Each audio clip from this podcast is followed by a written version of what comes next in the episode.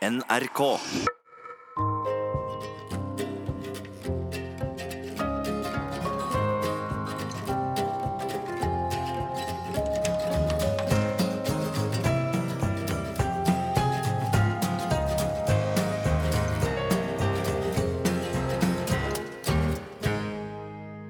Havet, døden og kjærleiken. Jeg har snakka mykje om kjærleik i bryllup og begravelser, og størst av alt er kjærleiken. Jeg har fundert på døden og gravlagt mange, og ein tekst som går igjen i gravferdet, det er denne her fra den siste boka i Bibelen, Johannes' åpenbaring, kapittel 21. Forfatteren heter altså Johannes, og han skriver fra øya Patmos. Mot slutten så skriver han om den nye himmelen og den nye jorda. Og jeg så en ny himmel og en ny jord, for den første himmel og den første jord var borte, og havet fantes ikke mer. Så rart. Jeg elsker havet. Jeg kan ikke tenke meg en himmel uten hav. Hvorfor skal havet bli borte i himmelen? Eller leser jeg dette feil? Kanskje er havet noe som skiller oss fra hverandre, der vi heller til på hver våre øyer, vårt eget Patmos. Hvert menneske er ei øy, sier Tarje Vesaas i et dikt. Kanskje bare havet faller seg sammen, sammen med alt det andre, og vi glir inn på noe vi ikke vet om? havet, døden og kjærleiken. I denne timen vil jeg ta et djupdukk i havet, høre på havet, fundere over havet, bølgene, vatnet. Hvorfor vil jeg det? Det er sommer nå, og for mange av oss er sommeren sjø og hav.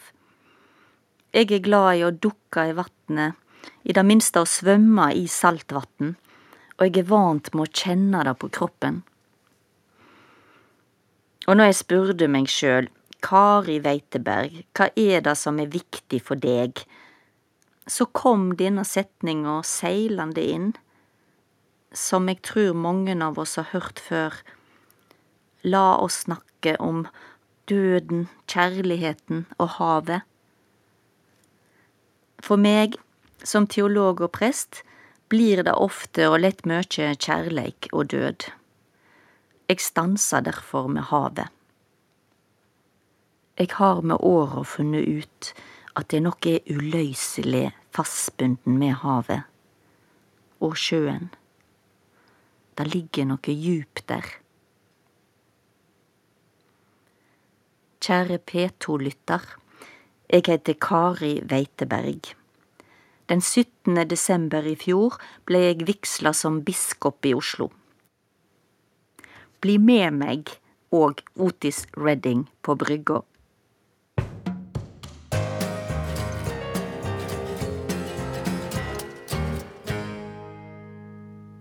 En gang så var jeg på et sånt retreatsenter. Det er en plass hvor en kan få hvile og påfyll. Husa låg midt inne i en skog. Eg og en fyr gikk oss en ettermiddags spasertur. I dag vi bestemte oss for å gå tilbake, så fant vi ikke veien. Det var bare tre. Ingen peilemerke. Vi rota rundt i flere timer. Etter det oppholdet på det retreatsenteret, så bestemte jeg meg for at neste gang jeg trenger hvile, og påfyll, da ønsker jeg meg hav. Jeg finner hvile og ro av å sjå utover havet, ta til meg bølgene. Og så er jeg glad i å svømme. Jeg har vokst opp med sjøen, så det kan være så enkelt at jeg elsker å sjå havet fordi jeg syns at jeg kommer fra den fineste øya. Jeg kommer fra Stord, ei øy på Vestlandet i Sunnhordland. Foreldra våre ga oss lov til å bade etter 17. mai, og da hoppa vi i havet. Samme hvor kaldt det var, For oss var det den datoen som gjaldt. Etter 17. mai er det lov å bade. Jeg husker at vi lo av de pysete byfolka som sto med tærne i vasskorpa og øya seg over hvor kaldt det var. Sommeren var to timers pliktarbeid i hagen med pappa, og så sprang vi ned i Breivikja. Mamma og pappa var aldri der. Vi ungene sprang rundt og fanga krabber, og etter hvert som vi blei eldre, så las vi romantikk og smurte oss med Spinol og Nivea. Jeg blei alltid solbrent, og pleide å ligge i senga et par dager solbrent, og så tror jeg at jeg blei herda for den sommeren. Hvordan jeg lærte å svømme? Det var ei venninne til storesøstera mi som kom borti meg, og så blei jeg dytta ut i vatnet på djupet. Da lærte jeg det, fem år gammal, og sida har jeg svømt.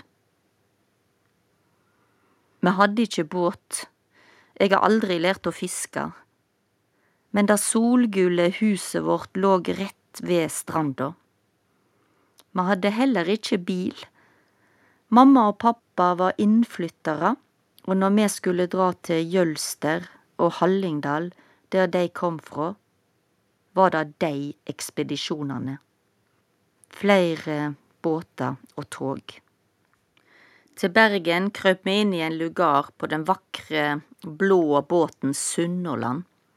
Han stoppa i Ølen og Etne, og Etne var høgdepunktet. Der kom det alltid et lass med griser om bord. En song for barndommen er Dar kjem dampen. Jeg har ofte blitt spurt om jeg er stril, og det er jeg strengt tatt ikkje. Det er helst folk ifrå Nord- og Midthordaland som blei kalla for stril. Strilalandet. Det var de bygdene der en kunne ro til Bergen i løpet av en dag. Vi brukte lengre tid fra Stord. Men når jeg var på vei til pappa sin barndomsheim, så sto vi på kaien i Bergen, og vi kom oss om bord i båter som skulle ta oss inn i Sognefjorden. Jeg trur jeg traff på Ivar Medås og kona Kari nokon ganger. Nå kjem strilesongen.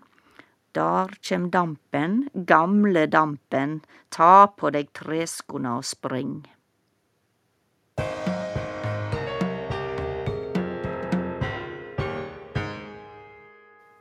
Du hører på Sommer i P2. Mitt navn er Kari Weiteberg. Jeg er biskop i Oslo, men akkurat nå så forteller jeg om somrene som prest ved havet. Første gang var midtveis i teologistudiet. Jeg skulle prøve meg som prest for første gang, og var vikar for soknepresten i Sørfold, nord for Fauske. Jeg blei invitert på kveldsmat til kyrkjetjeneren og kona, et eldre ektepar.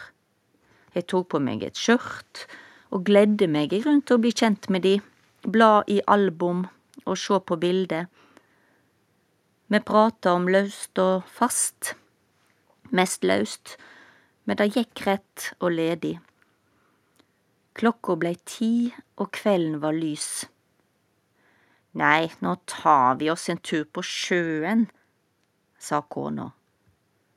Wow, dette kom overraskende og uventa jeg kan ikke glemme den kvelden. Midnattssol, utover mellom øyene mot havet, og så fikk vi masse sei. Og de lo seg skakke av hvor begeistra jeg blei. Jeg er jo ikke vant med å fiske, og når jeg har kasta med stong, så setter kroken seg alltid fast i botn. Men denne natta pilka vi og jeg håva inn sei etter sei. Når me kjem i land mot midnatt, forstår eg at sommernatta er heilt åpen og ikkje til å sove bort. De gamle setter på steikjepanna, steikjer seien og sette fram smør og flatbrød. mm, hvor godt det smakte. Cirka ti år etter så var mannen min og eg prester i to måneder på Sørøya i Finnmark. På Sørøya og seinere Gildeskål sør for Bodø fikk jeg nærmere kjennskap til lokalsamfunn som var avhengig av havet og utleverte havet. Arbeidsplasser knyttet fiske og kystnæring kom og gikk. Og i samtaler før gravferdet så fikk jeg del i livshistoriene til folk som bodde der. Gutane drog ut på lofotfiske rett etter konfirmasjonen. For konfirmasjonen betydde at da var du klar til å dra ut. Mannfolka var borte fra fastlandet, barna og kona i lange perioder. Noen omkom på havet, unge og eldre. De månedene jeg var der, omkom ingen på havet. Men alle jeg prata med, kjente noen, eller hadde noen i slekta som hadde mista livet sitt. Jeg skjønte denne dobbeltheten med havet. Vi overlever ikke uten fisken og båtene. Havet gir liv. Men sannelig, havet tar òg liv. Jeg hørte om og jeg møtte sterke kvinner. Kvinnene måtte jo holde sammen. Ja, det var kvinner som var heime. De holdt husholdet og jorda ved like. De hadde ei ku eller to og dyrka poteter. De oppdrog ungene, Flere blei enker tidlig. Hm, disse kystfolka. For to år siden hadde Siv Limstrand og jeg andakta sammen på NRK. På kvinnedagen 8. mars spilte vi en hyllestsong til den første kvinna som blei prest i Norge. Da året jeg blei født, 1961, da blei Ingrid Bjerkås tilsatt i Berg og Torsken menighet på øya Senja. Samme øy som musikeren Moddi kjem fra. Moddi har laga en song om Ingrid Bjerkås. Han fant et leserbrev på trykk i avisa Nordlys, signert med initialene PD, skreiv forfatteren en hyllest til den nye, kvinnelige presten. Brevet starta sånn. En ærbødig hilsen og salutas til vår første kvinnelige sogneprest, som i disse dager er tilflyttet sitt kall uti berg og torsken. Vi spilte Moddi sin sang om Ingrid Bjerkås på morgenandakten i P1, og da var det ei kystkvinne, ei dame på Helgelandskysten, som lytta. Hun ringte Moddi med en gang, og mysteriet blei oppklart. Nå avdøde Harald Lorentzen var forfatteren bak leserbrevet.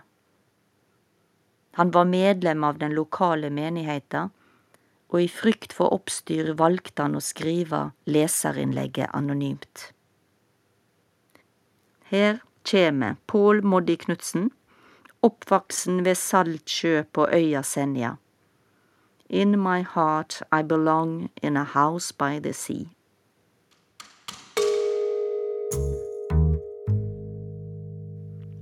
Jeg merker, og nå vil jeg ikke være overfladisk eller romantisk, men jeg har merka at jeg er ei kystkvinne. Kanskje særlig på humoren og lynnet til mange av de jeg har møtt på disse stedene som jeg nå har nevnt. Det har noe med å være rett på, si det som det er. Det gjorde at jeg meldte meg inn i det nynorske kystkvinnelaget. Og nå lurer du sikkert på hva det er, vi er nemlig bare tre stykker, så jeg skal ikke bruke store plassen på oss her. Men av og til så treffer du noen som treffer et eller annet i deg, som gjør at eh, lotten henger løst og skuldrene slapper av. Hun ene har en far som drog langt til sjøs, flere måneder i gangen til Newfoundland og New Zealand. Hun andre har nesten drukna. Kanskje er det dette noe av de nære hverdagsgreia og nynorskgreia som held oss sammen. Nå snakker ikke alle på kysten nynorsk, men de vakreste og sannaste salmene om havet, de er på nynorsk. Elias Blix kom fra Gildeskål, og det blir sagt at salmen En båt i stormen duva blei nytta som bønn før fiskarane drog til Lofoten, og som forbønn for dei som var på havet og fiska. En båt i stormen duva, men Jesus var om bord. Hans læresveinar gruva da båra braut på fjord. Men sjå, da Jesus vakna og truga storm og hav, da vind og våger spakna og været stilna av. Hm. Og så er det Tårnøye bølger går langt ifra havn. Skipet sin skrumkrans slår, dukker sin stavn. Og jeg er en seiler på livets hav. Og Blix sin nyttårssalme, Gamle året seig i hav. Så skimrande var aldri havet ja, den er jo svensk, etter Evert Taube. Jeg syns den er veldig nydelig. Tilbake til nynorsken.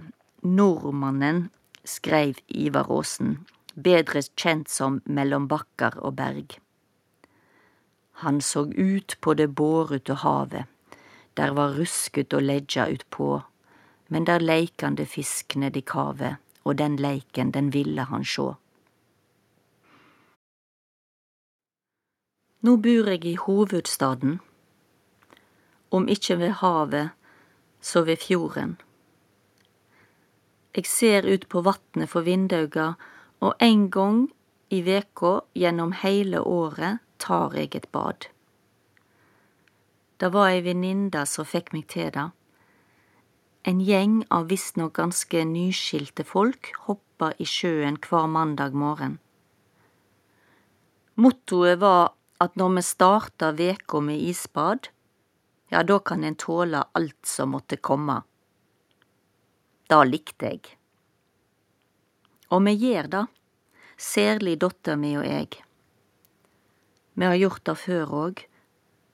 Me hoppa i havet en heil vinter på Gildeskål for ti år sia. Året etter Gildeskål drog eg til Israel og Palestina jeg møtte mennesker som aldri hadde sett havet, sjøl om det bare låg nokre mil unna heimen deres. Forfatteren Falkberget fra Røros skriver om mennesker i gruvesamfunnet som aldri har sett havet. Nå, i 2018, tror jeg at de fleste skandinavere har sett det. Her eller i Syden. Det var rart og vondt å få hverdagslivet til bodden og voksne på Vestbredda så tett inn på livet. Jeg besøkte ei barnegruppe i byen Nablus, seks mil nord fra Jerusalem. Vi passerte mange væpna soldater og checkpoints på veien.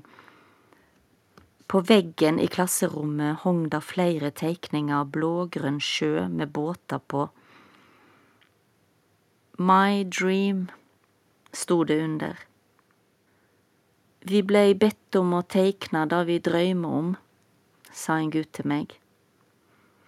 Jeg vil så gjerne sjå havet, jeg har aldri vore der. Det virker helt utenkelig. Tenk å aldri ha sett havet. Tenk å vokse opp og vite at havet er rett der borte, men å få forbud mot å reise der? Hvordan er det å sjå havet for første gang? Jeg tenker på dei som er på flukt eller har flykta. Så kjem de til havet. I åpne småbåter legg de ut. Uten sikkerhetsutstyr. Farmor til bodna mine, hun song ofte Min båt er så liten. Min båt er så liten og havet så stort, men Jesus har grepet min hånd. Når han styrer båten, så går det så bra på veien til himmelens land. Når han styrer båten, så går det så bra på veien til himmelens land. Det er ikke alltid at det går bra.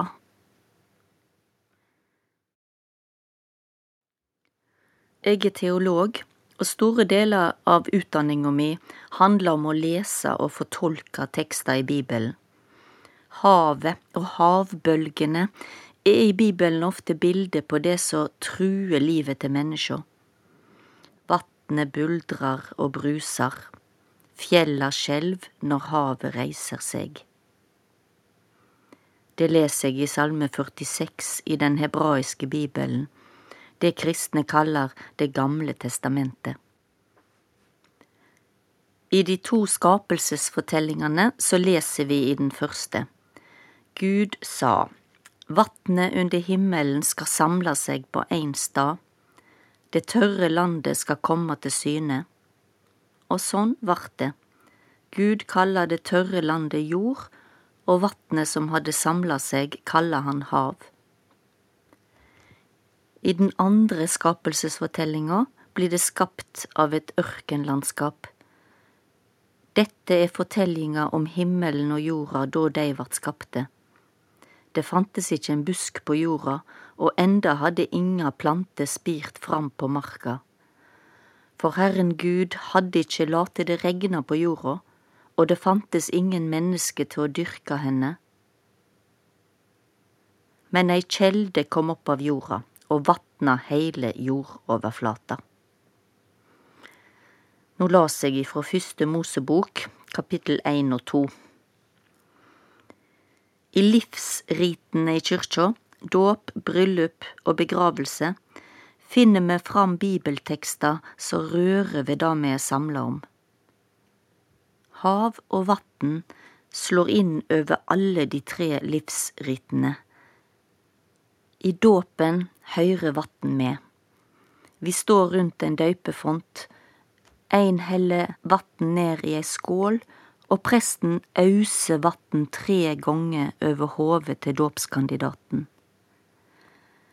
Faktisk var den vanligste dåpsforma full neddykking, men i våre kyrkjer her til lands gikk vi for noen hundre år siden over til en mindre mengde vatn. Presten, hun tar handa ned i vatnet og auser. Eg liker å høre vatn sildra. Når eg heller frå dåpskanna, så høyres det. Kyrkja sine ritual er ikkje til å forstå fullt ut, men alt det av assosiasjoner som vatnet gir, det handlar dåpen om. Vatnet renser og fornyer, slokker tørste, gir liv og tar liv. Ei kjelde, vatn i livmora. I bryllup høres ofte disse ordene fra høgsongen. Veldige vatn slukkjer ikkje kjærleiken, elver skyl han ikkje bort. I gravferd leser jeg ofte fra Salme 23 om Gud som en hyrde. Hun let meg ligge i grønne enger, føre meg til vatn der jeg finn kvile. Havet i Bibelen er både venn og fiende. Andre juledag 2004 kom ei serie flodbølger forårsaka av et kraftig jordskjelv utenfor kysten av Indonesia. I Kaolak, Thailand, raserte ei ti meter høg bølge heile rekkja av hotell langs stranda. Noen av tekstene om havet som velsignelse sette seg fast i halsen på meg. Ikke les dei nå. Så hva var teksten som presten skulle lese nyttårsaften 2004, like etter tsunamien? Jeg skulle preika og slo opp i tekstboka, og jeg visste med en gang nei, denne kan jeg ikke lese nå. Der sto det Går du gjennom vann, er jeg med deg, gjennom elven skal de ikke flomme over deg. Går du gjennom ild, skal du ikke svi deg, og flammen skal ikke brenne deg. Jeg er teolog, og store deler av utdanninga mi handler om å lese og fortolke tekster i Bibelen. Men det må sies. jeg kjemper for ei bedre vær fordi folk sulter, flykter og dør. Dette kommer før hva som måtte stå i Bibelen. Havet gir og tar liv. Vatn. Det blir krig av vatn. På mange stader i verda er det altfor lite av det. Fattigdom dreper. Det blir krig av fattigdom. I fellesskap så finner vi forhåpentligvis måter vi skal fordele ressurser og gode på. Det er en slags borgerplikt.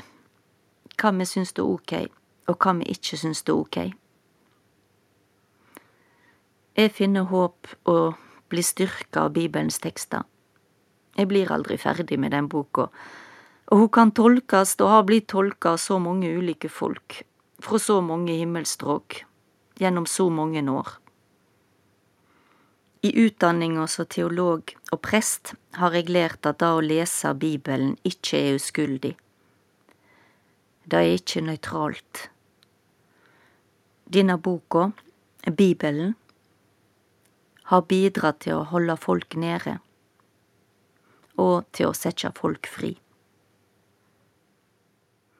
En ekte gammel gospellåt ble vakt til live igjen i den mesterlige filmen Oh Brother Where Are Thou av brødrene Cohen. Det er vatn, ei elv. As I went down in the river to pray, studying about that good old way. Alison Krauss synger Down to the river to pray.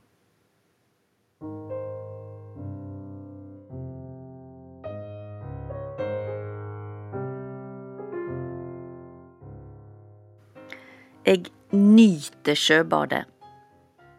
Går ut for å ta meg et forfriskende bad, rett utafor der jeg bor ved Sørenga i Oslo.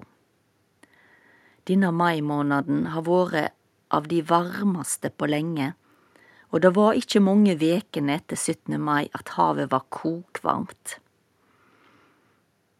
I alle fall hvis jeg nå sammenligner med temperaturen jeg var vant med fra Stord. Vi ungene hoppa jo uti etter en viss dato. Etter 17. mai fikk vi lov. Nå er det sydentemperatur i vatnet utenfor leiligheta, og det har hele Oslos befolkning merka seg, og særlig ungdommen. Det kryr og det bugner av folk. Jeg syns det er fantastisk med ei offentlig badestrand midt i byen og det er faktisk plass i sjøen. Jeg hopper uti. Og denne maidagen, 30. mai, bestemmer jeg meg for at nå har jeg noen veker framfor meg som ikke er så travle, så jeg vil prøve å bruke 50-metersbassenget, som er en del av sjøbadet, så ofte jeg orker. To timer etterpå kom det opp et forbudsskilt. En oljetank på 50 000 liter diesel rant onsdag 30. mai ut i Alnaelva i Oslo. Dette er trulig det største oljeutslippet i Oslo noensinne. Oslofjorden. Det er et viktig hekkeområde for sjøfugl og det er flere naturreservat bare få hundre meter fra der Alnaelva renner ut. I det siste har jeg lest og tenkt mer på plast. I fjor stranda en hval på Sotra, sjuk var han. I magen hans fant de over 30 plastposer. Det opprørte oss, og det opprørte meg, men så tenkte jeg ikke noe særlig mer over det. Det ligger ennå q-tips på baderomsskåpet, og plastposene hoper seg opp i skapet under vasken på kjøkkenet. Ja da, jeg har hengt opp tøyhandlenett ved utgangsdøra for å ta med meg når jeg handler på nærbutikken, og av og til så husker jeg å ta det med. Jeg er sånn passe fornøyd med plastbruken min.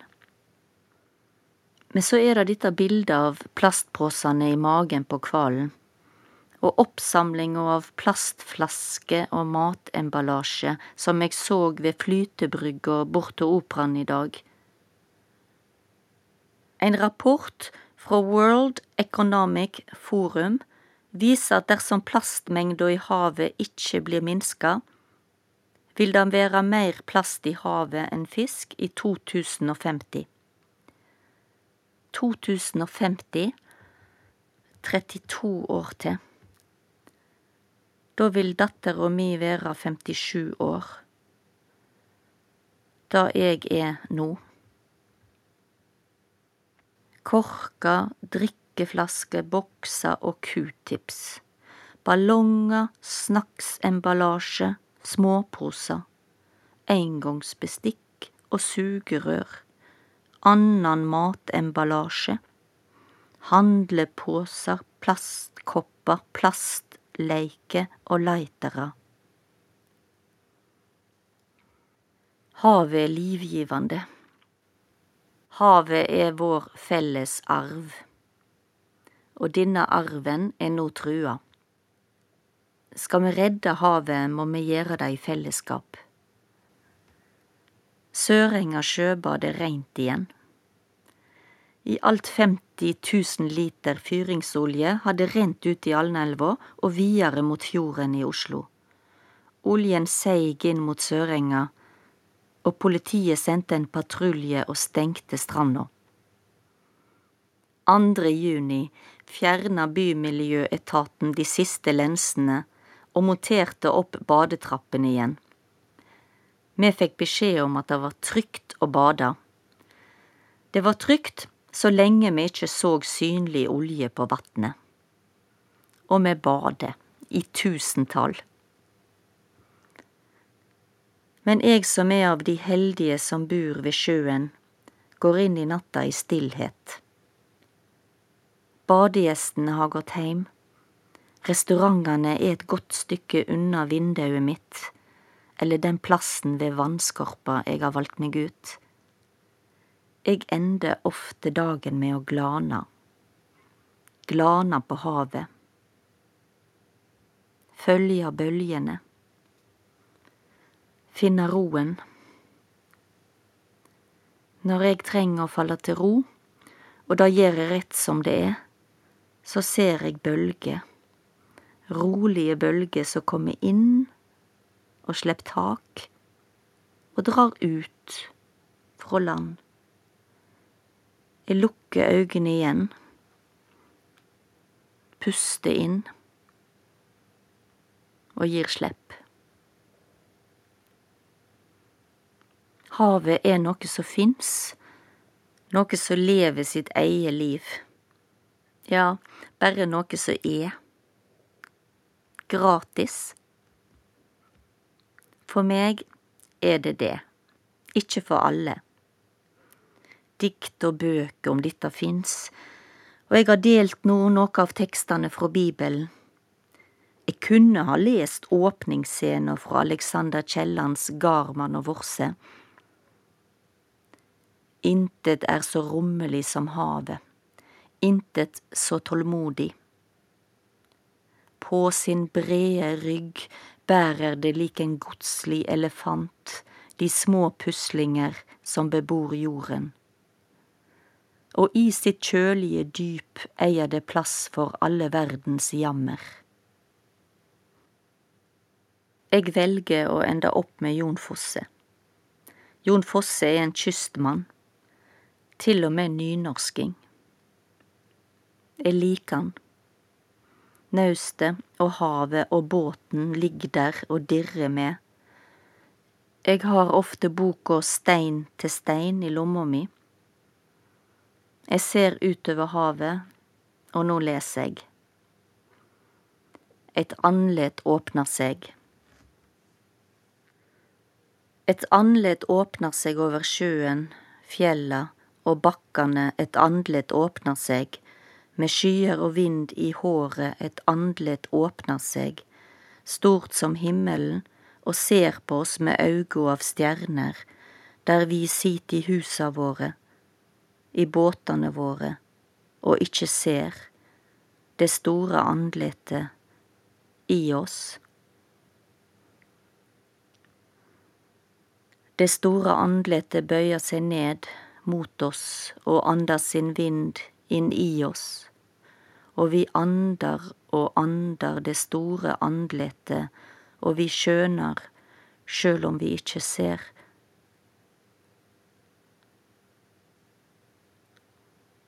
Hva med en siste song nå, i stillheita ved havet? Sigrid Moldestad, hun er òg nynorsking, folkemusikar, og hun har mykje fint. Denne heter Haustkveld ved havet og er fra albumet Brevet til kjærleiken.